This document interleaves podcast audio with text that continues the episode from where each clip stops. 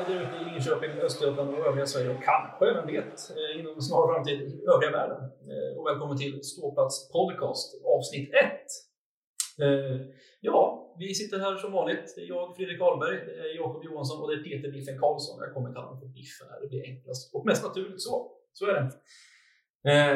Vi ska prata om LHC då och det som hänt den senaste tiden och jag tycker väl ändå att vi kan inte bortse från att pratar om försäsongen och de matcherna som varit. Vi har ju ändå spelat sju försäsongsmatcher innan dess att vi hade premiär mot Luleå igår. Eh, vi kan summera det ganska enkelt med att det blev alltså sagt, sju matcher där det blev fyra kryss, två torskar och en vinst. Den vinsten vi fick då var mot Södertälje. Vi började ju egentligen ganska fort med eh, träningsmatchen mot Växjö där vi förlorade med 2-0 hemma. Men vad är spontana reaktioner från er då när jag tänker på försäsongen och de matcherna som varit? Går det att summera på något sätt? Eh, nej, för, för min del så är det svårt att summera en försäsong. Eh, man vet aldrig eh, vad man ska ta av. Eh, vissa spelare kan se riktigt bra ut på en försäsong för att sen vara helt klappkassa och tvärtom. Lag likaså kan se väldigt bra ut för att sen haverera i botten har ju ett mm. fantastiskt exempel. Jonas Soling. Ja. Han var uttagen i OS-truppen och sen spelade han aldrig mer. Var han uttagen i OS-truppen? Ja, det, ja den här stora truppen. Ja. Så, sen vart det inget mer. Ja. Han var, han var duktig på försäsongen, verkligen. Äkta försäsongsledare. ja, precis. Ja, men det finns ju alltid det där året 2006. Alla pratar alltid när, man ska, när något lag går bra eller något lag går väldigt dåligt så säger man alltid men kom ihåg 2006 försäsongen när Leksand alla matcher och sen åkte ut och Modo förlorade alla förstahandsmatcher och sen vann SM-guld. Nu är det 15 år sedan så nu kan vi inte, vi kan inte ta upp den längre. Det är inte aktuellt. Men förra året? Men förra året, ja, HV, ja, precis. Mm. Helt riktigt. Helt överlägsna och jag tror inte de spelar i SHL. Nej, jag tror inte jag heller. Nej. De... De, jag vet inte vad de tror. de, de kommer att leva i den där bubblan. För jag såg någon bild på någon buss på deras buss igår. Vad fan stod det på den? Var... Vi vinner allt. Någonting sånt. Ja, liksom. Nej, det gjorde de inte. ja, det är det. Oss kan ingen slå. Oss kan ingen slå? Ja, något sånt där. Ja, det är så här. Så de har, vad fan är det de har? De har en engelsk slogan också. Så här. Vad fan är det? Där? Passion? Nej, jag kommer inte ihåg. Nej, någonting med passion var det i alla fall. Ja. Ja, mycket märkligt. Ja. Mycket märkligt. Nej, men som sagt, det är ju en försäsong med lite, lite blandade resultat. Inga resultat sprang ju iväg. Det har inte varit någon så stor 5-1 vinst eller 6-1 torsk, utan det har varit max två måls torsk. Men mestadels har det slutat, har det slutat oavgjort. Ja. Så är det. Eh, och vad är det du tar, tar, har tagit med dig från spelet, från, från den matchen med försvarsspel, anfallsspel, målvaktsspel? Spelsystem, märker vi någon skillnad jämfört med förra året? Jag tycker det är en jättestor skillnad. Jag tycker vi har slutat att spela ha bråttom hockey hela tiden. Mm. Utan de försöker liksom hålla i lite mer och äga puck och inte bara Ja, men det är lite lugnare. Ja, jag tycker det. Eh, förra året var det ju mycket dumpa. Mm. Ut med pucken fort som fan och sen jaga i princip. Mm. Det var inte mycket puckinnehav om man säger så. Nej, verkligen inte. Det, liksom, det, det alla skrek om, jag med kanske i viss mån, att vi måste få ett lag som kämpar hårdare. Det fick vi. fick ett lag utan någon talang, som bara kämpar. Det, det, det står jag inte för. Det finns jättemycket talang, men det, det var bara en jävla massa ja. kämpa. All talang ströp, ska man säga ja, det var inget kul att titta på. Nej. Tycker inte jag. Nej, det var det inte. Det som förutsätter att kunna spela en sån som hockey som Bert Robertsson uppenbarligen ville spela, det är att man är vasket bra och har en bra puckkontroll. vi hade inte riktigt de spelarna Nej. att göra så, att hantera det i den farten. Ibland gick det, absolut. Det såg helt fantastiskt ut, men det, var, det går att räkna på en hand. Alltså. När det väl klaffade. Så tyvärr, det funkar inte riktigt. Och det blir ju alltid så att man, man ärver ju lite grann det spelsystemet som har varit säsongen innan. Nu har vi ju haft ganska stort spelarutbyte. Men tar till exempel 2012-säsongen, när vi var nära på att åka ut, det var ju allmän skridskosäsong. Den första säsongen, då var vi nere i eh, Tjeckien och lirade lite försäsongsmatcher och då var det ju Champions Hockey League. Ja. Då Roger Melin just hade tagit över. Eh, det såg exakt likadant ut som under Sergej och senare då Harald Lyckner. Det märktes ingen skillnad alls. Det tog kanske fem matcher in på grundserien, sen var det som ett nytt lag. Så det tar ju tid. Det tar tid. Man får ha tålamod. Mm. Som man den underbara ordet processen. Processen. Vi får lita på processen. Precis. Och det vi har under försäsongen och det vi gått igenom, det var ju 2-0 torsk mot Växjö.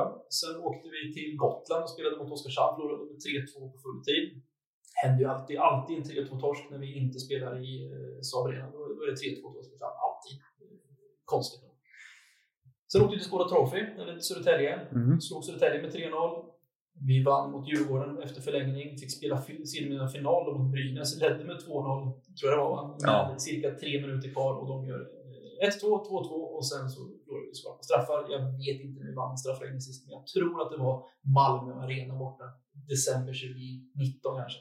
På sin höjd. Och då, om jag minns rätt, så var det Malmö det laget som alltid vann sina straffläggningar. Ja, De hade bra straffskyttar. Ja. Lyckades. Och, och Alsenfelt. Det var Brock som gjorde målet. Han skulle göra en dragning, han tappade pucken och det gjorde att Alsenfelt var inte riktigt med på det. Så den åkte in mellan benen, så jättekonstigt ut. Så det var ju, det var ju ren otur i tur mål. Alltså, Ja. det, det säger en hel del.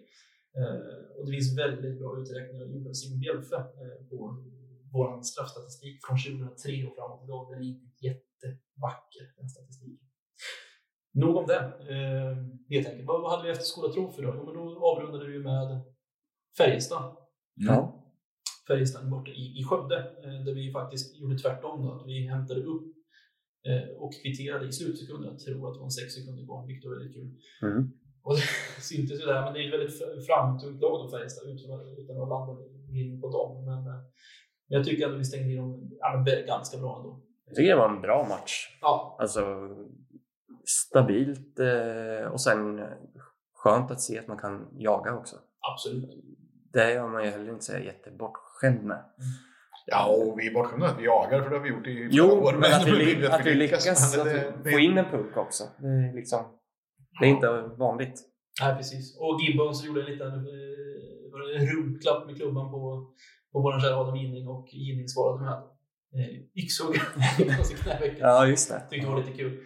eh, faktiskt. Så att det De finns ju uppenbarligen lite retstickettendenser i Gibbon som jag gärna vill se mer av. och Vi behöver ju lite jämtin. Jag tror fortfarande att det finns utrymme för sådana som en Daniel Ryding, som en Oskar Hedman och eh, Jämtin och Ledin i 2021 å- års hockey. Eh, Det behöver inte bara vara gentlemanna, eh, gentlemanna eh, profiler så att säga. Nej. Det kan vara bra med lite retsticka. Det. Ja, ja, det är jätteviktigt. Man behöver dem. Och jag vet att i retstickeläget vet jag att Jonas Junland är jätte, jättebra på det egentligen. Alltså, det vet jag. Eh, Så att, eh, Man får axla många roller nu. ja, det är det som är grejen. Vi får hoppas att det, några Kan du fler. utveckla det? Ja. men det känns lite som att han ska vara, han ska vara överallt. Absolut. Vi kommer återkomma till eh, just nämnda Jonas Juland lite senare i det här avsnittet faktiskt. Där vi pratar och ställer lite frågor till honom helt enkelt. Ja. Men vi stänger försäsongen med i alla fall en summering. Och jag, ska inte tala i, eller lägga orden i mun på er, men det känns som att det är en försäsong som lovar lite mer i alla fall. Den sticker inte iväg. Vi håller oss nära poäng, poängplockarsnitten i alla fall. Så det kommer ju plockas poäng i vinter. Och mycket tack vare att vi har en, ja, men en bättre målvaktsuppsättning, tror jag i alla fall. Ja. Det, kommer, det, kommer, det kommer stjälas en del poäng tack vare eh, dem. Det vill säga, vi kan vinna matcher där vi faktiskt inte förtjänar att vinna matcher. Mm. Till skillnad från förra året där vi förlorade matcher som vi faktiskt förtjänade att vinna. Det är en väldigt stor skillnad. Eh, på med rånarluvorna. Nu, Ja. nu vill jag verkligen att Linköping ska på rånarturné och sno fula poäng. Och kanske spela lite mer publikfri än hemma. Kanske slå till med att vinna. kanske slå till med att vinna, det vore faktiskt trevligt. Ja. Mycket roligare. På tal om att inte vinna så ska vi ju givetvis gå igenom då, eh, kött och potatisen här, för nu är, har vi kommit igång. Vi har haft vår premiär, Luleå borta. Oftast har det blivit så, eh, sen jag bodde uppe i Norrbotten, så är det så att omgång mellan omgång ett och tre så möter vi Luleå borta. Vi river av ganska fort, vilket är skönt. Det är ungefär som att besiktiga bilen. Det är inte jättekul, eh, men det måste göras. Och det som är skönast, det är ju faktiskt när det är över. Så, så kan man ju faktiskt beskriva en Luleå borta. Ja. Framförallt nu när Luleå är bra, men det var även jobbigt när vi var bra att åka upp till Luleå.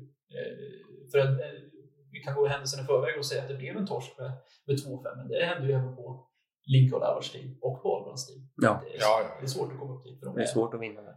de vet vad de ska göra på på hemmaplan och har alltid vetat. Eh, så är det. Men om vi börjar med Biffen då. Om du, du såg väl lite grann av matchen igår? Ja, ja, ja, ja, jag, jag Hur mycket såg den.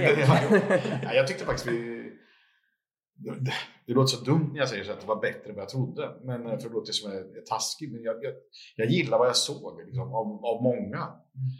Och sen kanske vi inte orkar hela tredje perioden. Jag orkar heller inte riktigt tredje perioden. Men eh, ja, jag var, det gjorde mig glad. Jag, jag, jag, jag kan aldrig tycka att det Det är annat än att det är fult att förlora. Mm. Ja. Det, det finns all, hedersamma förluster är det värsta jag vet. Det, det finns inte. Eh, Man får stryk och man vinner. Och så det där med heder, är där, ja, heder och vinna ska man ha, men inte att förlora. Ja, Liksom. precis. Ja. Sen ska man, kan man vara en bra förlorare och förstå varför man förlorar och så vidare. Men det är en helt annan grej.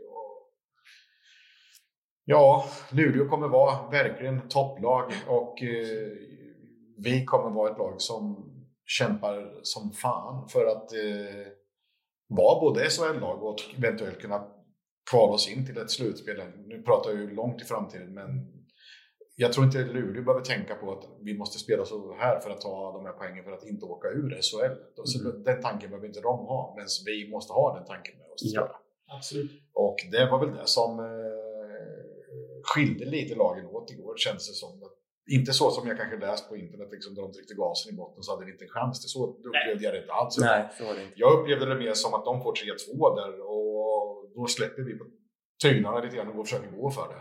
För Ja. att, för att, och då chansar man ju lite mer. Och, Så är de 4-2 och 5-2. Ja, 5-2 öppen kasse också. Ja. Och det, jag tycker den största skillnaden här är ju de olika lagens självbild. Luleås egna självbild var rättmätigt att det självbilden är att vi är jävligt bra. Vi är topp 2 topp 3 i den här serien. Eh, och jag har ju Luleå som eh, mina favoriter till att vinna SM-guldet i år före lag som Växjö och eh, Färjestad och Frölunda. Och Rögle för den delen. Luleå är de som jag har som absolut största favoriter. Sen ska vi inte sticka under stol med, jag tippade verkligen en, en torsk med 6-1.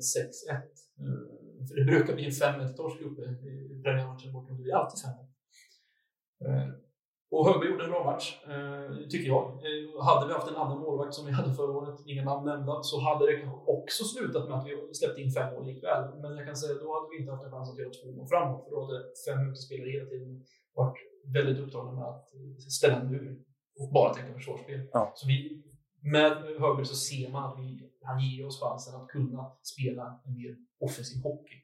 Och på så sätt då kunna göra mål och så, på så sätt vinna matcher. Jag är övertygad om att både Dav- David Rautio och Hugga kommer ta poäng åt oss. Helt enkelt. Skulle man ställt David Rautio och ha en revansch? Jag- jag- Vi saknar ju den från omgång 51 förra året när han äntligen skulle få liksom slå Luleå på hemmaplan när vi var- slogs om den sista play-in-platsen. där. Är det inte en perfekt match för Rautio att stå? Jo, egentligen. Men jag förstår också varför man vill spela in Högberg direkt. Han Ja. kommer vara första målvakt. Eh, han eh, var jävligt bra igår. Mm. Eh, tog tre, fyra fler, frilägen. Ja. Eh, vilket man inte ska vara bortskämd med.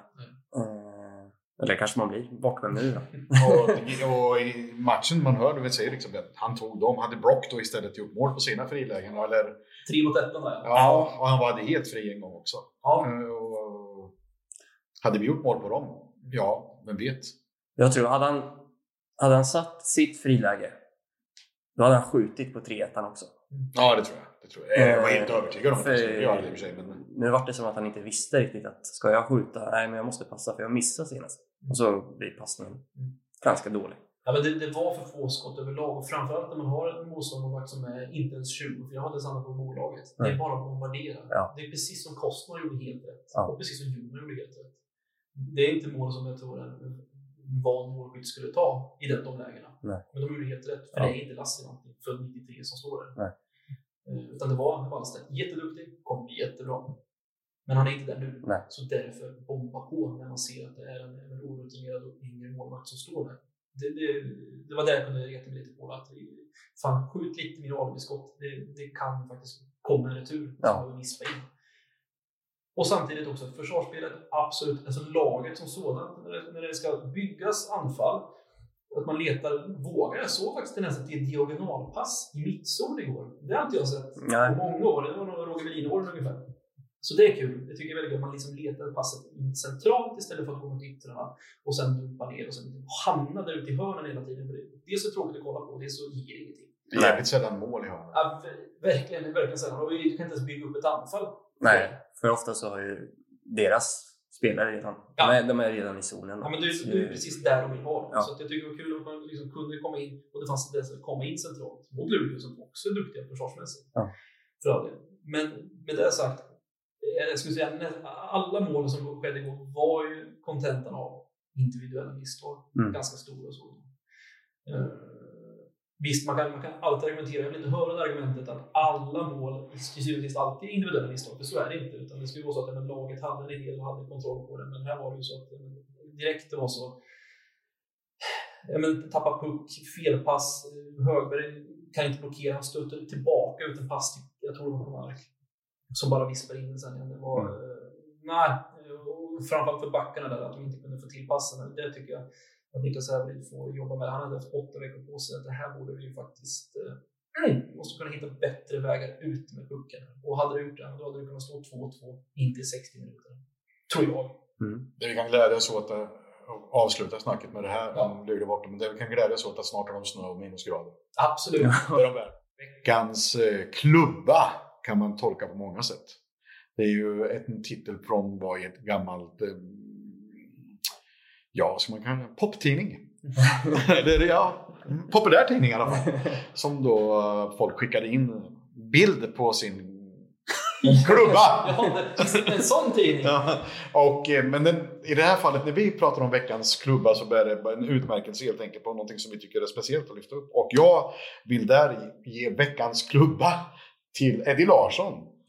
För att jag tycker att hans återkomst i seriesammanhang med Linköpings Hockeyklubb, han var riktigt jävla rejäl. Och jag tyckte han var riktigt bra i år. Jag tycker det. Och det gjorde mig jävligt glad att se. Jag gillar, alltså jag gillar ju tuff hockey och jag tyckte ja. han spelade jävligt oömt och stod upp och smällde på rätt rejält. Veckans klubba ger jag Eddie Larsson. Mm. Jag respekterar den. Eh, jag skulle vilja lyfta fram ett epitet som jag tror det var Fredrik Envall som myntade när han var på jakt efter en back. då sa han, jag tror det var supporterbaren, vi är på jakt efter en back med hårig rygg. Det, det de menar då är en typisk Iva Maeski eller en Andreas Pil eller en eh, Mäski hade jävligt hårig rygg. Han hade nog... Han hade jag kan tänka mig det utan att. Söker man spelare i Södertälje då? Ja, det kan vara. Kan vara. Jag vet inte. Ja, och Rahimi en sån. Ja, men sån som verkligen går in och skitgör att då är bara jobbig rent fysiskt. Jag tyckte väl att vi har eh, axlat den. Och det, man ser att det är en annan roll än vad, man kanske hade innan. Jag ser i alla fall tendenser till det. Den rollen han har nu är ju betydligt mer tacksam. Mm. Inte förminska honom på så sätt, men att han ska inte vara kapten, han ska inte spela powerplay, han ska inte vara den ledaren på det sättet. Han ska vara ledaren i egen zon, spela rejält som han gjorde igår. Han ska vara tuff och möta, spela enkelt ur egen zon. Mer än så, alltså det, det är stabilt. Det är så det ska vara. Bra Eddie! Bra, Bra Eddie.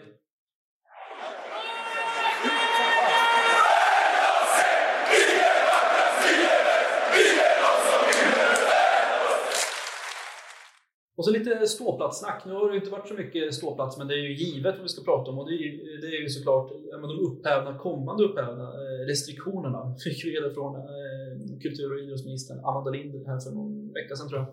Att eh, samtliga restriktioner vad gäller eh, offentliga sammankomster för sport och teater då försvinner helt från och med 29 september. Vilket betyder att hemmamatchen mot Rögle en torsdag kommer då potentiellt i alla fall kunna vara lapp på luckan.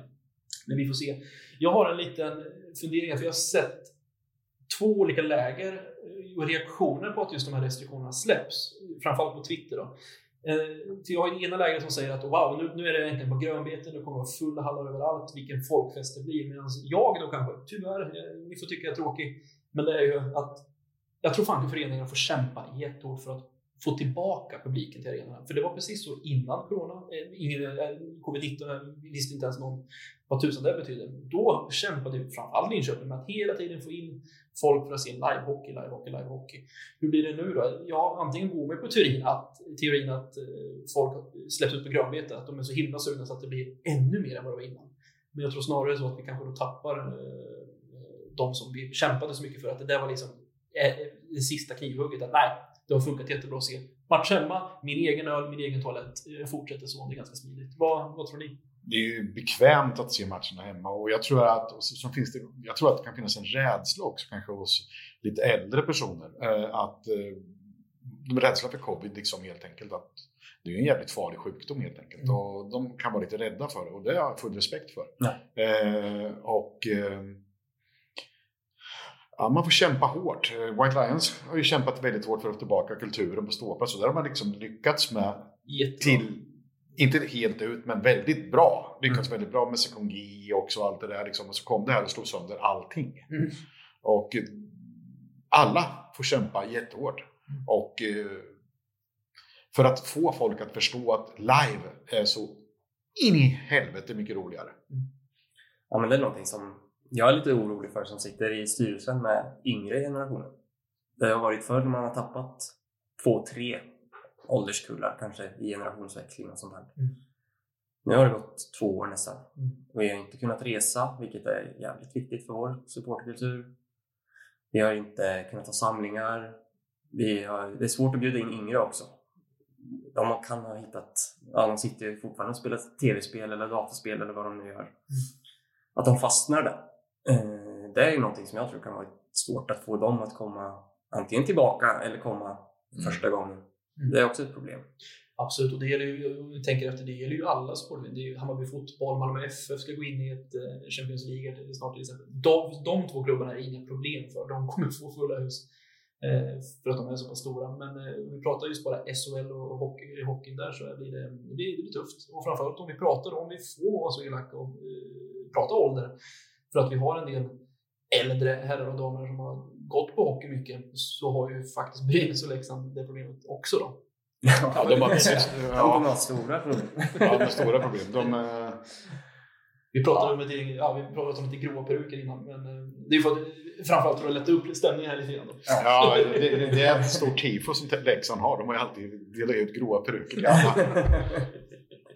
Så är det. Istället för stortifo som peruk. Grå peruker. kanske skulle vara något med VD på ståplats liksom, för att skoja till det ja. mot Leksand. Alla sprayar håret grått. Det var, det var, jag vet inte om det är en liten sidopassus, men det var, det var ju faktiskt snack när Slavomir Milenen var tränare att det skulle ha, vara ett lösmustasch-tifo. Det är sant. Ja, absolut. Det, det var långt gångna planer tills någon sa att nej, vi vill inte få paja stämpeln. Och jag får väl ge dem rätt då kanske, men det hade varit lite kul. I teorin är det kul i alla fall. Ja, det är det. Och vi kommer garanterat under eh, ja, den här hösten prata mer, det är helt oundvikligt att vi pratar om just eh, ämnet covid-19 med eventuella vaccinpass och så vidare. För även om det är så att alla får gå nu, kanske det kan bli så att de som fortsätter gå sen är kanske bara de som är dubbelvaccinerade. Vi vet inte. Vi hoppas inte det blir så. Men vi, vi följer frågan eh, och vi kommer framförallt följa diskussionen om det. Eh, Mm.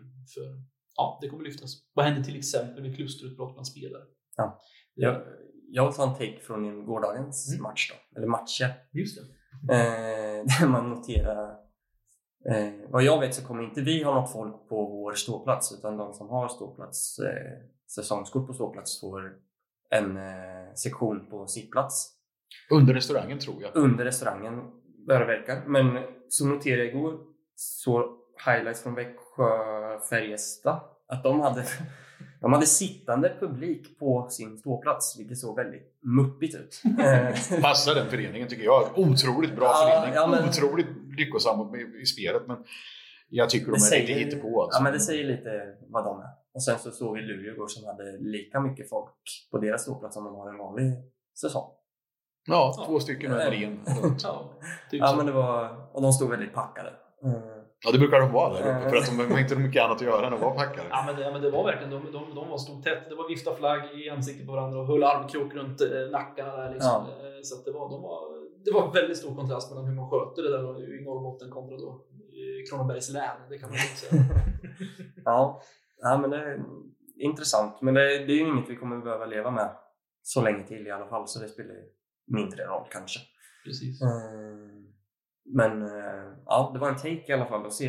Eh, en del satt på ståplats, en del stod tätt. Ja, vi kommer verkligen återkomma i den frågan med, eh, med att jämföra oss med andra supporterklubbar och supporterföreningar och just ståplatser då, under året som kommer. För det kommer att, det kommer att spreta lite grann och kanske sås lite frön i hur man ja, agerar på ståplats och hur klubbarna då har olika takes på det efter det här då, för att göra det så smittsäkert som möjligt. Så, Ja. ja. det ska bli spännande. Det ska bli väldigt intressant. Människor tvättar händerna. Ja, Ja. Ja, och kommande veckan som, eh, som följer här nu då ska vi givetvis prata upp. Det är inte jättemycket som händer, men icke förty så ganska viktigt. Vi har vår hemmapremiär och det har vi mot Djurgården på torsdag. Den, vilket datum blir det? Den 16 september va? Borde det bli. Klockan 19.00 i Saab Arena. Eh, en av två matcher kvarvarande med nuvarande restriktioner.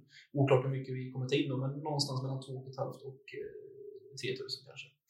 Eh, våran, våran utsago i hur mycket vi tar in. Det är väldigt viktigt att säga. Eh, ja, Djurgården helt enkelt. Jättesvårt att säga eh, hur de kommer stå sig. Det, min spontana tanke är faktiskt att eh, jättekonstigt att de tog in den här gamla kanadenstränaren faktiskt. Barry Smith. Precis. Ja, det känns Det, det, det, det är ett grepp som riktigt, aldrig riktigt funkat i svensk ishockey. Det var Wayne Fleming i Leksand en gång. En arg jävel. Ja, han var arg. Må han vila i frid såklart. Ja. Eh, ja, eh, jättekonstigt, men han kanske får hjälp av Niklas Falk så man förstår hur man, hur man spelar ett bra SHL-spel. Det som jag så- under hela försäsongen har sagt och tänkt att Djurgården är en sån här vi kommer slåss om placeringar precis bredvid eh, återkommande. Att de är ett lag vi bör hålla oss bakom. I alla fall väldigt, väldigt nära. Eh, men så fick de ju tillbaka Marcus Sörensen här då, eftersom Jakob Josefsson blev långtidsskadad. Och jag tycker det förändrade allt egentligen. Eh, För nu blev de ett lag som alla andra lag eh, hade kunnat gå in och säga att vi ska bara spela vårt spel här.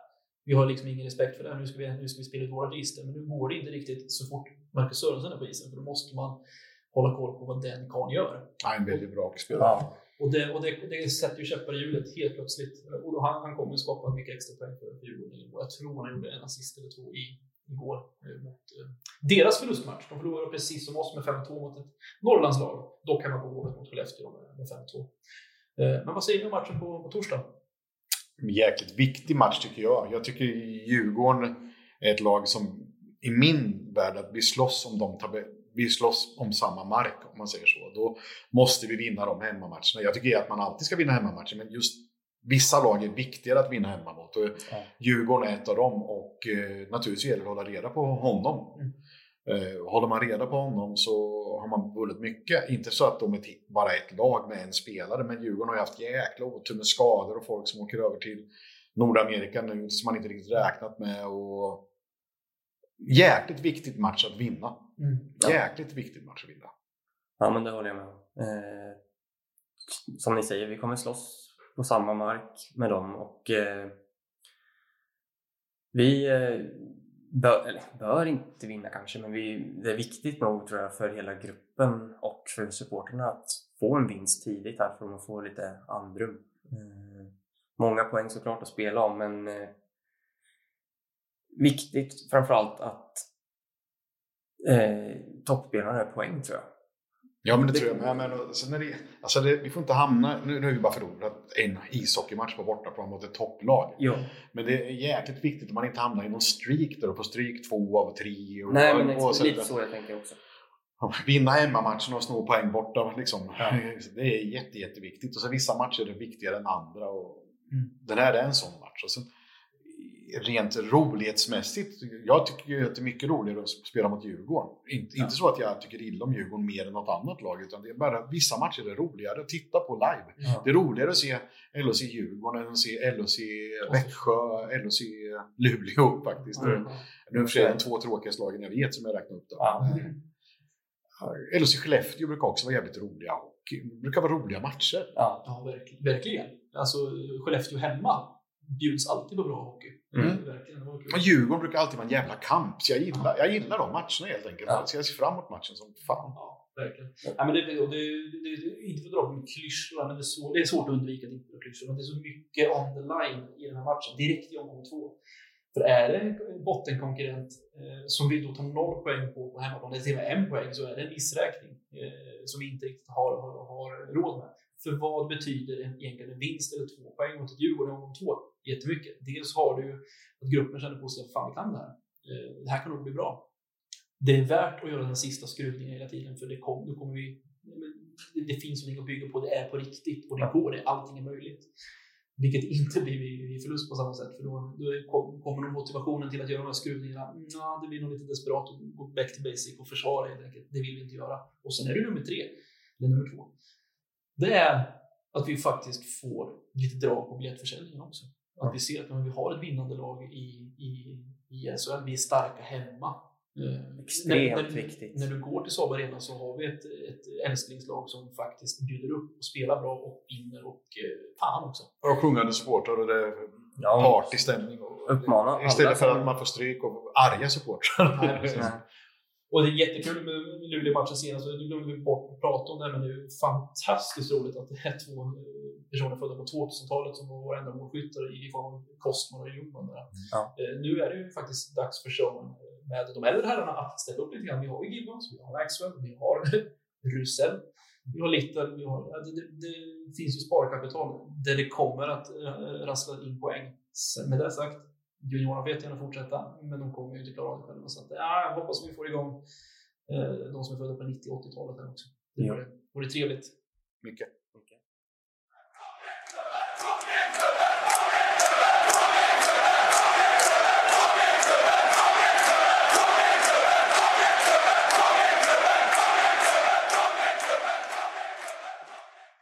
Veckans anekdot åker vi tillbaka ett tag i tiden till 1990.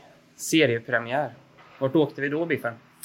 Jim Brithén hade tagit över laget och han hade ju egentligen tagit över ett som nu skulle vara ett allsvenskt lag, men vi vart ju tvångsdegraderade. Så vi spelade ju i då division 2 som nu är division 1 och lagkapten på den matchen var ju Magnus Johansson i galler.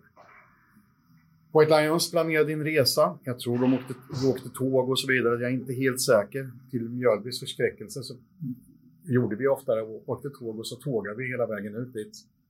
Till eh, BT-rinken hette det då. Och, eh, men jag och min bror på grund av arbete kunde inte åka med alla andra. Så vi tog min gamla gråa Mazda och skyndade oss så mycket vi kunde för att ta oss till Mjölby och ansluta till allt och alla. Helst för att gå med dem i tåget, en bit i alla fall. Det gick åt helvete. Fläktremmen gick sönder i bilen. Jag kan ingenting om bilar. Men det fanns ju ingen alternativ. Det var ju bara att köra utan fläktrem så långt det gick. Vi hann till Mantorp, till bensinmacken som var där. Och där var det ju någon som var snäll nog och hjälpte oss då, och bytte den där fläktremmen. Och vi skyndade oss som sju- fan till Mjölby. Hade nedsläppsnoja, hade Grande. Kom dit, matchen hade väl kanske börjat, minns inte det. Däremot minns jag ju mycket väl att vi var ju mötta av skepsis. Vi var knappt välkomna. Mjölbyfunktionärerna, mycket irriterade. Vi förstod inte varför. Vi hade klara direktiv på att där skulle Mjölby ståplatspublik vara och där skulle Linköping ståplatspublik vara. Och i ståplatspubliken i Mjölby var ju min brors och min, min, jag då, våra kusiner de är från Mjölby. Men vi förstod aldrig vart ståplatspubliken i Mjölby var, för de såg, vi såg dem sitta på läktaren så vi vinkade till dem. Men lite längre bort, det var väldigt rökigt i hallen, så brann det. Mjölbys flagga brann. Förstår att inte det varit så populärt. Och på den läktaren som var Mjölbys ståplatsläktare, som jag förstod var den stora delen, det fanns det inte en människa mer än alla som var från Linköping. För där är de från Linköping, White Lions vill säga, bestämt sig för att här ser vi bra. Så där var White Lions och där brann det. Och det brann mycket. På den tiden så var det lite annorlunda. Så det var inte så mycket bengaler, det var flaggor som brann. Men eh, det var ju inte mindre farligt för det. Men det fanns inga väktare eller vakter där, det var ju lite annorlunda tid. Så att, ja, vi genomförde matchen och eh, efter det så känns det väl, eh, eller inte nu längre, men det kändes väldigt mycket annorlunda att komma till BT-rinken. För där kände ju folk igen som en från White Lions. Ja. Och på gott och ont kan man väl säga det. Vi gjorde avtryck, vi var där, de kommer ihåg oss och vi vann. Som alltid när vi är där på turné så gör vi avtryck. Då var det dags för veckans gäst. Idag pratar vi om det som har varit, framtiden och ett kaxigt rykte från juniortiden. Killen som är en av de äldre i årets trupp är en Linköpingsgrabb som har gått hela vägen från ungdomshockey till att vara kapten i klubben. Dagens gäst är vår egen Jonas Junland. Tidigare. Brock Little och Junland. Jonas Junland i mål! 1-0 Linköping!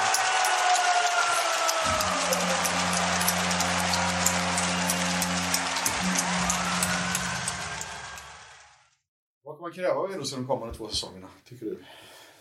Som förening eller som eh, sportslig synpunkt? Eller? Jag tror det är sportslig synpunkt vi är ute efter nu. Sportslig synpunkt. Eh, någonstans så har väl föreningen eh, sportsligt eh, gått i en spiral åt fel håll och då känns det som att eh, det ligger i, i ansvaret eh, på oss som är, eh, har Linköping eh, i hjärtat eller nära hjärtat och vända det. Eh, det känns som att vi har varit nere på botten och snuddat och, och det är någonstans nu klättringen börjar. Och, eh, det är nog ingen enkel resa och, eh, eh, det krävs nog väldigt många som bryr sig och gör sitt allra bästa för att det ska vända som förening och, och sportsligt. Så eh, det känns som att det kan bli en intressant resa. Jag personligen har gjort den lite med Lausanne till exempel och sådär så att det känns ju som någonting spännande. Och det man verkligen märker i Linköping just nu tycker jag när vi har varit nere och snuddat på botten är ju att den här samman strålningen och sammanslutningen man känner i stan bland fans och sponsorer och den, den är helt fantastisk just nu och det känns som att det, det aldrig varit mer positiva vindar trots att det har varit dåliga resultat. Jag håller med. För, för känslan jag har haft när, jag har varit inför varje säsong de sista fyra, fem säsongerna om att även i vår slutspel ska vi nog klara, har jag känt. Då, liksom. Men när jag, när jag ser an den här säsongen så var helt plötsligt, utan att jag själv tänkt på det, ja, tia ska vi nog klara. Ja. Förstår du hur jag tänker, tankebilden har blivit? Då? Ja, men så är det ju. Och det är nyttigt. För det är skadligt som förening att sikta för högt och aldrig nå dit. Liksom. Eh, men sen känner man ju förändringens vindar när man kollar i omklädningsrummet. Grabbar som har spelat hela hockeyn upp i A-lag. Eh, killar som har varit här tidigare som väljer att komma tillbaks. Man ser ju en annan känsla, en annan eh, bild av hur det ser ut där nere, där vi är, i katakomberna. Och det är ju, det ger mig väldigt bra självförtroende och härlig känsla att gå in i den här säsongen. Eh, för även om man har en sådär start eller någonting så har vi bestämt att vi ska göra det här tillsammans och, och utveckla den här verksamheten. Och det känns som någonting vi kan göra. Det är inte att greppa efter SM-guld och sådana grejer som, som vi inte kan nå. Utan vi börjar någonstans där vi lägger en grund. Och så får vi gå därifrån. Och det känns som att det finns en sjuk förståelse i stan just nu om att det är där vi är. Vi är inte högre upp än så, vi är där. Mm. Det, är det, kan jag känna som supporter också, att många känner samma sak. Att man, vi, vi är där vi är nu. Vi ska ha ja, två lag bakom oss, sen ska vi uppåt. Liksom. Mm. Att man börjar där någonstans. Ja. ja, men så är det ju. Och jag menar från er sida, när ni tittar, ja. ni vill ju se ett lag som som är där, ja. som är närvarande, som, som bryr sig. Eh, om vi gör tio misstag och förlorar, men det, det, det syns att vi, vi är där. Vi, vi ja. gör allt vi kan för att det ska bli bra för klubben. Då finns det en förståelse. Ja. Men så såg det inte ut hela tiden förut. Nej. Men gör vi det nu och vi tror att vi kan börja i den änden. Eh, och jag tycker att man, man har den känslan i gruppen att vi, vi ska börja lite skakigt och lite svajigt, för det är där vi är. Och sen kommer vi växa in i kostymen.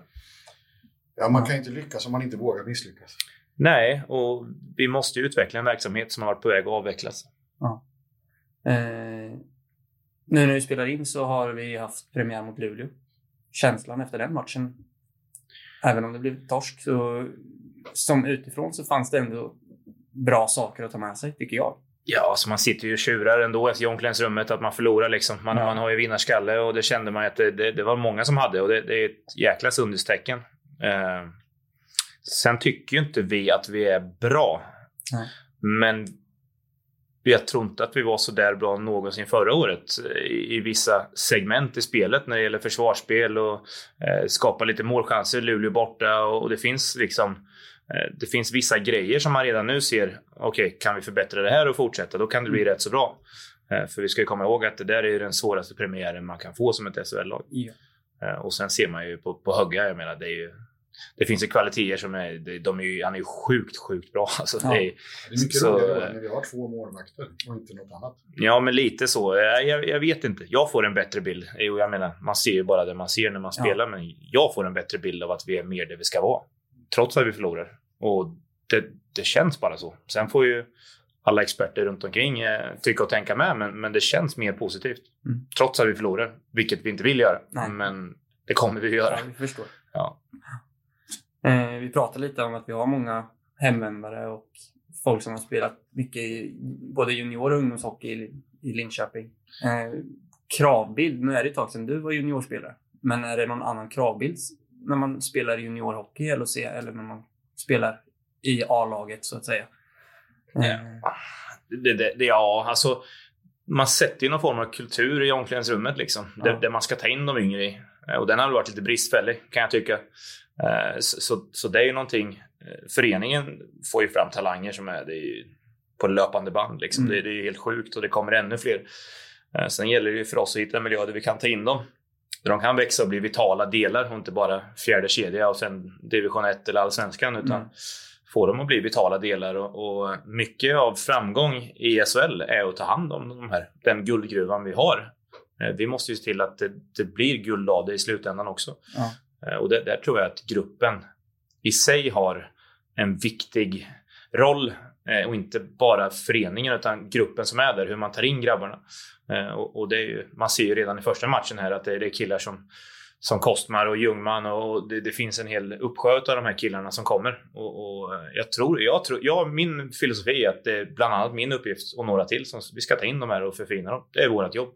Eh, Vi ska tvätta dem bakom öronen lite och, och klappa dem lite på axeln ibland. Och, eh, titta dem i ögonen och fråga vad fan de håller på med emellanåt också. Ja. Men, men en, en tuff eh, miljö men, men med omtanke och hjärta och att det är för allas bästa. Vi vill att ni ska bli NHL-spelare. Vi vill inte att ni är kvar i SHL. Ni ska till NHL liksom. Var det samma sak när du kom in?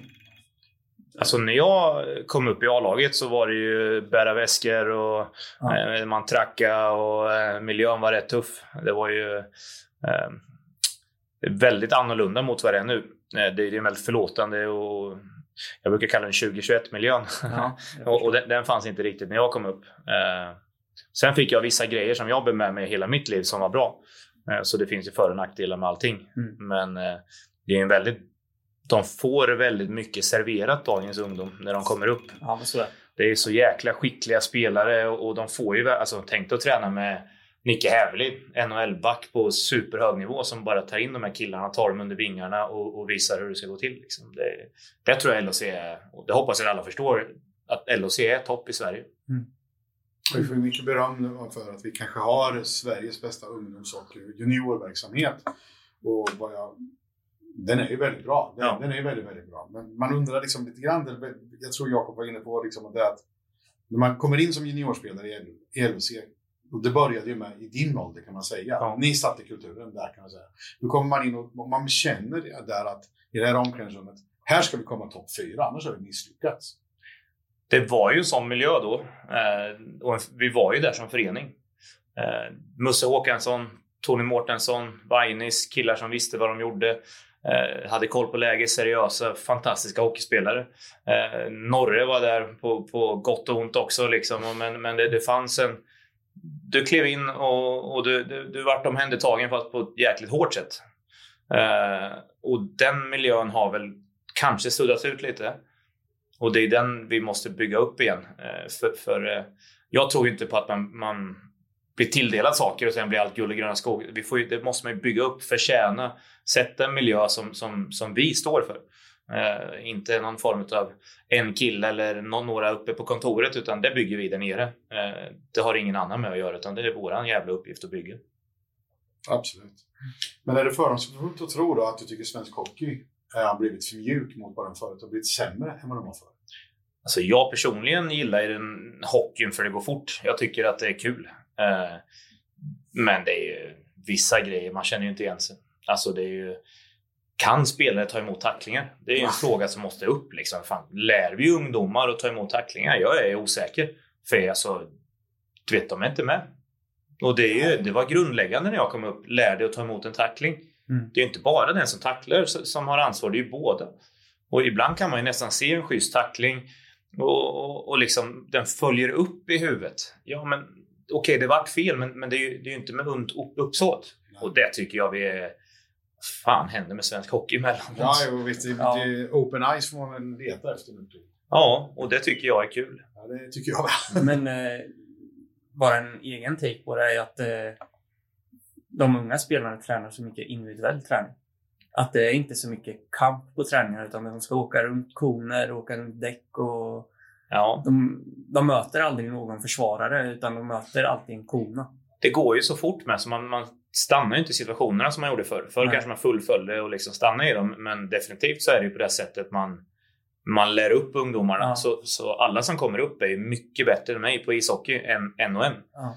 Eh, Men jag tycker ju att det de kanske inte får med sig är ju spelet i sig och, Mm. och den känslan för vart man ska vara och läsa situationer. Utan man, man kan skjuta hårt, man kan åka snabbt och man kan dribbla. Mm. Men få ihop de här bitarna, det är det som jag tror att man får jobba mest med när man kommer upp i, i, i A-laget. Det känns som man glömmer bort lite grann där. Hockey är ju en underhållning. Det är ett underhållning. Men samtidigt är det ju en kamp, men det är framförallt ett spel. Ja. Men du måste få med alla de tre. Ja, och det är ju det som är det svåra i hockeyn. Det alla har nu som kommer är ju att de är duktiga. Individuellt skickliga spelare. Sen får de nog jobba med det andra. Ja. Och, och där har ju vi äldre en viktig roll i alla lag och liksom försöka få dem att förstå, förstå spelsystem och varför man gör grejer. Och, eh, när man juniorhockey är ju som alla, alla som går och tittar. Vilket jag tycker alla borde göra med att gå och titta på LHCs juniorer. För de är sjukt jävla bra. Ja. Eh, och det är många talangfulla spelare. Men mycket det vi får lära dem är ju själva spelformatet och, och avläsningar och, och kunna ta en tackling och sådana grejer. För i, i J20 går det, det går bara fort. Liksom. Men man tar så här, jag, jag tycker ju att det här är cirkus. Det är, det är inte någonting för mig. När det står en kille bakom mål och gör en sorry och gör mål. Alltså, jag, jag, alltså, jag gillar inte det. Då kan man gå och kolla på innebandy. Jag tycker hellre att det står tio man och så en trycker in pucken för mig. Man blir väl ändå lite imponerad. Det, det är ju häftigt när någon, Ja. när någon gör någonting spektakulärt. Eh, men det jag tänker varje gång är varför kör ingen bara rakt igenom killen? Ja, Bara titta han i bröstet och köra genom sargen. Liksom. ja, Vart är Martin Lauman Ylven liksom, tänker jag. ja. Mer Ja. bingo. Ja, exakt. Mer, mer, mer hockeybingo. Vilken är den fulla, mest fulländade lagkaptenen du har spelat med och hur är den? Eh, Det där är ju en eh, fråga som eh, inte går att svara på. Det är ju, tar vi LHC som exempel så är Mange Johansson en, en, en kanonledare på alla sätt och vis. Och han gör på sitt sätt. Eh, Kollar vi när jag var i Färjestad, vilket jag fick smeknamnet Judas Junland för, eh, men som, som alla kanske vet i slutändan vad det handlar om. Men eh, eh, då hade vi Rickard Wallin och det, han var en bra lagkapten, men han var inte som Mange. Eh, Och sen jag hade någon jag var i Nordamerika med och de var inte som varken Rickard eller Mange. Så jag menar, det där är... Jag tror att en bra kapten är den som läser av gruppen och, och finns där för grabbarna och är, är mjuk när man ska vara mjuk och hård när man ska vara hård. Och, eh, en brygga mellan ledarstab och förening och spelare. Eh, så, så att man gör det nog på olika sätt, men, men just det här att man, man är som en liten spindel i nätet och man plockar lite och försöker läsa av och, och, och få med sig gruppen och ibland eh, liksom berätta saker till, till klubbledning och ibland vara med tränarna lite och sen få ut deras idé till spelare. Och, eh, hur man är på, på stan, stannar man och pratar med de som vill prata med en? Eh, tar man sig tiden och jag vet att folk säger att spela inte hockey och dricka öl, men går man och tar en öl med fansen efter någon lördagsmatch och visar att man, man, man bryr sig och, och låter folk ställa frågor och, och sådär. Det, det tycker jag är en bra ledare, den som har allt det där liksom och kan läsa av. Vad, vad, vad måste jag göra nu för att jag bryr mig om föreningen? Och så har man ju förmånen att få prata med domare, det får ingen annan göra. Och knappt det kanske. Det får man inte längre. Det är faktiskt nästan nedstängt. Så, så kommunikation med domare, det, det är nästan borttaget. Och det är lite synd där. Det har blivit lite vi mot dem eh, feeling och det, det är inte rätt. för Det finns ju ingen hockey utan domare. Nej. Eh, Vi behöver dem. Sen kan vi tycka och tänka vad vi vill, men, men vi ska vara väldigt tacksamma att det finns de som vill vara hockeydomare. Eh, För det, det är en tuff miljö och när hela White Lions och allt vad alla filialer heter när de står och gapar, det är nog inte så himla enkelt hela tiden att ta rätt beslut. Nej, det, Så, så ibland får de oförtjänt mycket kritik. Eh, det, man, det vi ska jobba mer på är kommunikation. Eh, men det är ibland, du vet, man åker upp och är inte helt rumsren som spelare själv. Man har ju svårt med känslorna och det är någonting man inte håller med om och man är het. Och, så, så, men jag gillar en domare som läser lusen av en då. Liksom. Och så, Ja, ja. Juland, för fan, nu åker du och sätter dig. Så där Mm. pratar du inte med mig, nu åker du och sätter. Så kommer du tillbaka senare. Det tycker jag, det, det gillar jag. När det, liksom, när det finns den, den kommunikationen. För, för man kan ju vara jäkligt sådär själv ibland. Att man inte alls man blir för het, man bryr sig för mycket. vem är dagens bästa domare? Alltså jag gillar ju eh, Micke Nord och eh, alltså jag gillar ju Sjöqvist till viss del också. Jag vet, jag har läst om Linköpingsfans som inte gillar Nej. Sjöqvist och sådär. Men jag, jag tycker åtminstone att de tar på sig misstag och åtminstone har en kommunikation där de säger ja men fan det var mitt fel. Jag ber om ursäkt. Ja, ju- Och, och det, sånt ser ju inte ni, Nej. men sånt hör ju vi. Ja. Och det gillar man mer än... Ska man ta, nu ska jag inte hänga ut domare, men ska man ta som kanske det äldre man pratar med eh, när det var Kuben, och Per Claesson och Morgan Johansson, de, de är mer stängda. Nej, kom inte hit, vill inte prata, titta bort liksom. Och det, det kan få en att bli frustrerad som Jag tror, spelare. jag tror han har lagt av nu, men jag, vet, jag, jag tyckte han åkte Jag får ju namnge folk. Jag tycker Sören Persson var en dryg Ja, men det, det äldre gardet eller vad man säger. Men det kanske också var en tuffare miljö då. Eh, Men det var det ju. Jag kom ju upp i den också. Det var det ju. Eh, så. Men eh, jag, jag, jag gillar bara domare som kan kommunicera. Jag tycker de är bäst. Och sen förstår jag att jag har en bild av en bra domare. Det behöver man inte ha när man sitter på läktaren. Ja, vi går tillbaka till lite J20. Det finns ett rykte om Mm. dig. Spännande. eh, möter HV och vinner med 3-2. Och eh, du kliver upp på bussen och säger Jonas Juland 3, HV 2. Är det något som stämmer? det känns som att Lindhagen skulle kunna ljuga om. Ja, han var ju med på den tiden. ja, men eh, ja. Alltså, ska jag ta mig själv när jag kom upp i Ja. A-laget så hade man ju lite hög svansföring. Det skulle alla instämma på. Eh, Jag tror att det var bra och jag klarade mig bra på grund av det, för det var en tuff miljö att ta sig in i. Eh, Sen, ibland spelar man bra, ibland spelar man dåligt. Mm. Eh, Jag hade ett år i J20 där jag skulle faktiskt klassa mig själv som, som dominant. Och då skulle ju jag som 19-åring kunna sagt en sån här grej, absolut. Ja. Eh, I dagsläget så, så är jag ganska långt ifrån den Jonas jag var då. Jag vill säga att jag är en bättre version. Men, ja, men jag skulle ju vilja säga med glimten i ögat. Mm. Eh, Jag, Biffen känner ju mig lite, lite bättre kanske, men jag har ju en väldigt sarkastisk humor liksom. Så ibland eh, när nya kommer in så kan de ju tro att jag är allvarlig.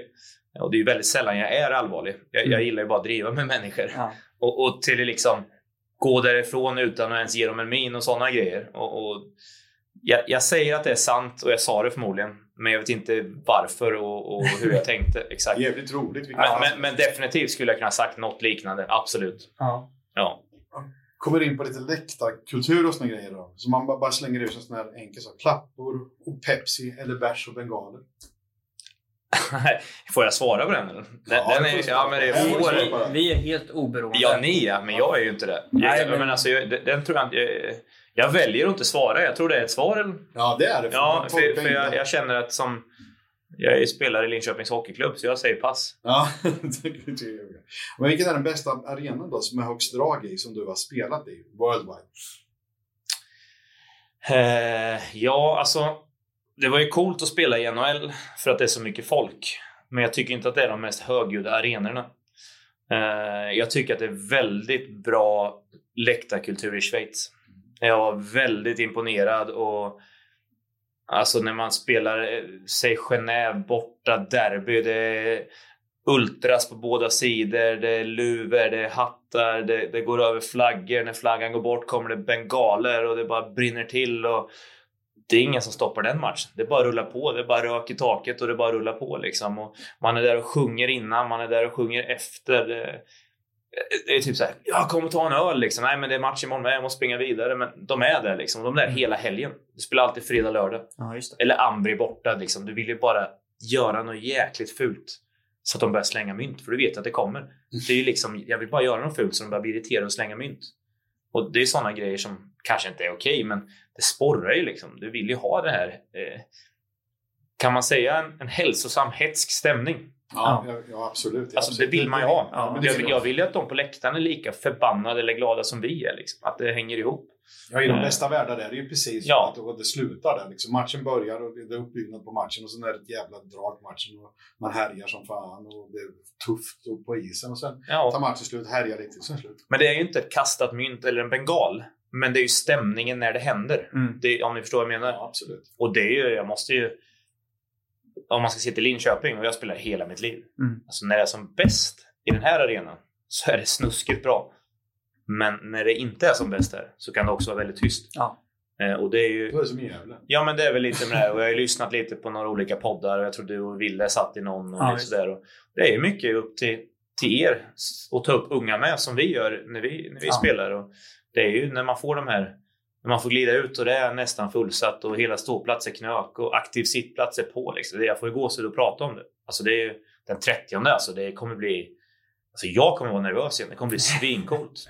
Ja, det är många som är väldigt taggade. Ja, ja, det ska bli så kul. Men hur viktigt är den sjungande publiken då? Det är superviktigt. En publik som lever sig in är ju, det är ju världsklass. Mm. På ett sätt är det kul på bortaplan med, för då, då vill man ju tysta dem. Liksom. Ja. Eller jävlas med dem. Man vill att de skriker i Junland, din jävla, vad det nu kan vara. Ja. Så. Men eh, just på hemmapubliken och liksom få det där något långt anfall och trycket kommer och man ser hur motståndarna blir mindre. Det är ju någon form av samspel på något vis. Liksom. Något konstigt samspel. Ja, men det kan jag hålla med om. Så är det. Jag kan också, White Lions fyller ju 35 i år, vilket är nog Sveriges äldsta supportförening, eller näst äldsta, det beror på om man räknar Djurgården. Mm. Och det kommer ju firas och det kommer vara någon speciell match. Jag vet inte vilken match det är, men vi fick ju våran headcoach att lova, det här kommer jag upprepa hela tiden, Mm. för allt och alla, Mm. att, det. vid vinst vid den matchen och om Jan Surabski och jag står i burarna i bar överkropp så ska han lämna isen i bar överkropp. Jaha, ja, det skulle jag Den, vilja den se är också. väldigt viktig. Ja, det skulle jag vilja se också. Ja. Men det känns som att eh, Janne definitivt skulle kunna ställa upp och ställa sig i bara överkropp. Eh, Jag är ju... Klas är ju lite underfundig och han skulle nog ställa det. Det tror jag inte han ljuger om. Ja, det är mer att Så- spela för. Mer än Ja. pengen. Ja, Nej, vi får slita av oss allihop då kanske. Ännu bättre. Ja. Nej, jag mötte ju eh, Filip heter han va? Eh, på stan här. Ja. Han är ju, har varit lite peppad när man mötte honom också, men jag känner inte igen honom med t-shirt på. Han är ganska stor också. ja, väldigt stor. Så han är, han är eh, ett riktigt odjur sådär. Så. Eh, Men, men han brukar väl stå där med bara överkropp rätt ofta. Ja, han blir så jäkla varm annars. ja, ja, det förstår jag. Nu är inte han här, men jag vet någon gång vi hade t-shirtförsäljning så hade han på sig. Den var ganska blöt, så han fick ju ta av sig den. Om man säger så. Ja, ja det förstår jag. Någon uppmaning du har till publiken och framförallt kanske till White Lions ståplatspubliken? Inför säsongen. Nej, alltså. Vi har ju förståelse för vad vi håller på med liksom och ser, ser, ser ni att vi gör det vi kan då hoppas man på en, en, en, en stöttande kultur. Eh, och det är väl egentligen bara det.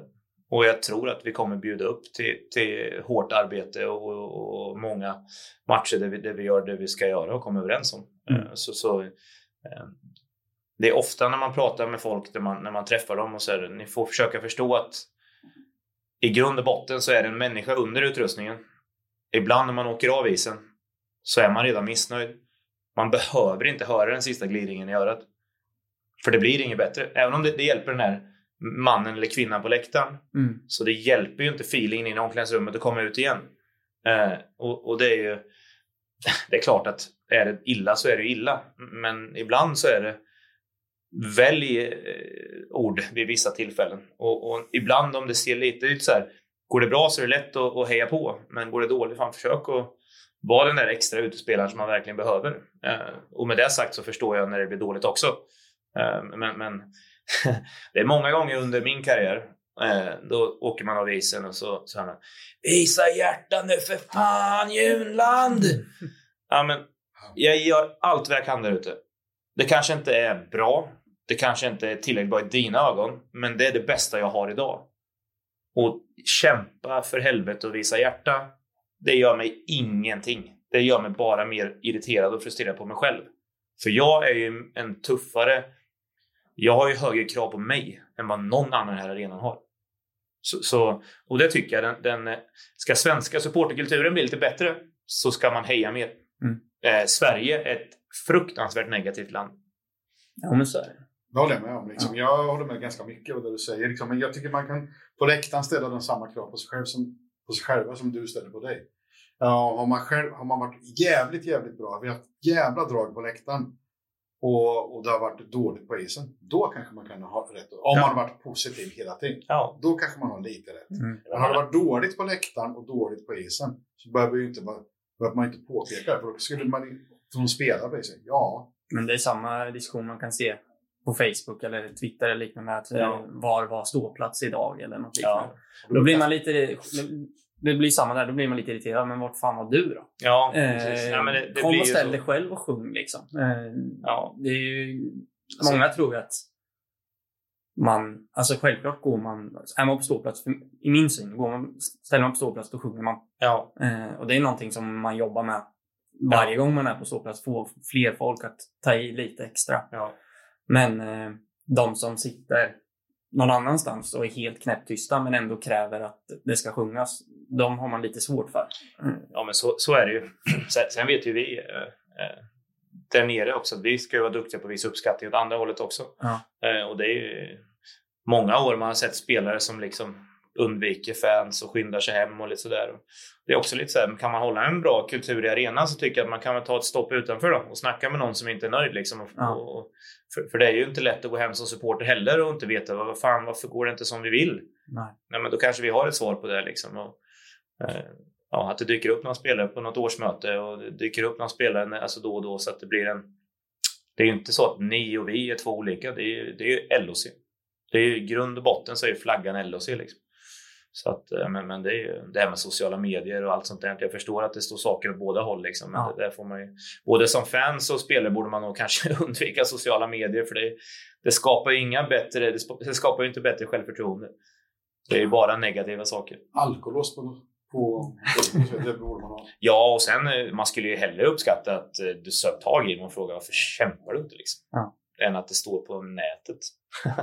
Ja, vad det håller du på med? Ja, men jag, jag, jag har varit sjuk i två veckor. Jaha? Jaha oj. Ja men, ja, men jag har spelat ändå för vi har inga spelare. Liksom. Jaha, ja, är det därför du inte ser ut som du brukar göra? Ja, men det kanske finns en förklaring. Om du tar dig tiden och, och faktiskt vilja veta. Den är en svår balansgång, för det är så här, liksom, ofta är det så klubbarna vill inte gå ut och berätta. Men gör ju inte det. Nej, Det så är det, det, den är svår. Ja, så är det ju. Ibland spelar man halvskadad och liksom sådär. Så att, det- och det är det. Kommunikation, A och O liksom. Och flaggan, vi spelar ju för LHC. Vi vill att LHC ska vinna när vi går hem. Om jag gör mål eller du sjunger rätt eller vad det nu är i slutändan, det spelar ingen roll. I slutändan ska vi ju ha gjort ett mål mer än motståndaren när vi går hem. Då, då är ju vi nöjda. Då går vi hem och knäpper en, eh, en ljummen cola och så sätter vi oss på soffan och, och kan vara nöjda över det. Absolut. Så är det. Avslutningsvis en fråga som vi ställer till alla. Mm. Bästa spelaren i klubbens historia. ja, Du får säga det själv om du tycker det. Ja, nej, det tycker jag inte faktiskt. Även om jag som, även om jag som 19-åring eh, stod på bussen och skrek Jonas tre år på, så tycker jag inte det. Då. Eh, Men, eh, Linköping är en svår förening i och med att det finns före elitserierna och, och, och under efter elitserien eller vad man säger. Eh, Så, så, men- men i och med att jag ändå har varit här och sett många hockeymatcher och jag, jag förstår ju vad, vad en sån kille som Mange Johansson har betytt för föreningen genom den här processen. Eh, och hur fantastiskt duktig han har varit. Eh, men man kan ju inte låta bli att älska typ. Alltså Musse la ju typ hela sin karriär i Linköping. Alla sina bästa år och gjorde alltid en storstilad arbetsinsats. Så jag menar en sån kille är ju... Jag menar, han borde ligga väldigt varmt om hjärtat hos alla. Eh, och när man har sett honom träna när man var hans lagkamrat och vilken form han alltid var i. Han gjorde väl aldrig ett snedsteg känns det som. Han var korrekt konstant liksom. Så det är en sån kille som jag som spelare är imponerad av helheten liksom. Och vad han gjorde för LO. för Han, han tog ju, han var med från när man kom upp till när man var stabil klubb. Som, som, och då hade vi ändå, Mange var här, han var borta, Tony var här, han var borta. Det, det, men, men en sån, vilken karriär han Han hade. var här hela hela tiden i princip. Helt fantastiskt. Kanske inte ens gjorde mest poäng eller rädda mest. Men du har Norre, du har Tony, du, du har Mange. Du har, det är ju det är ett helt band. Liksom. Man skulle kunna sätta ihop ett lag. Liksom. Men, Ja, men, men Musse är ju vilken... Det är ju en kulturbärare för den här föreningen. Se om man dyker tillbaka på något vis så småningom. Han har ju faktiskt suttit med i styrelsen. Ja, du ser. Det också. Ja, men Jonas, tack så mycket för att du ställde upp. Det är jag som tackar.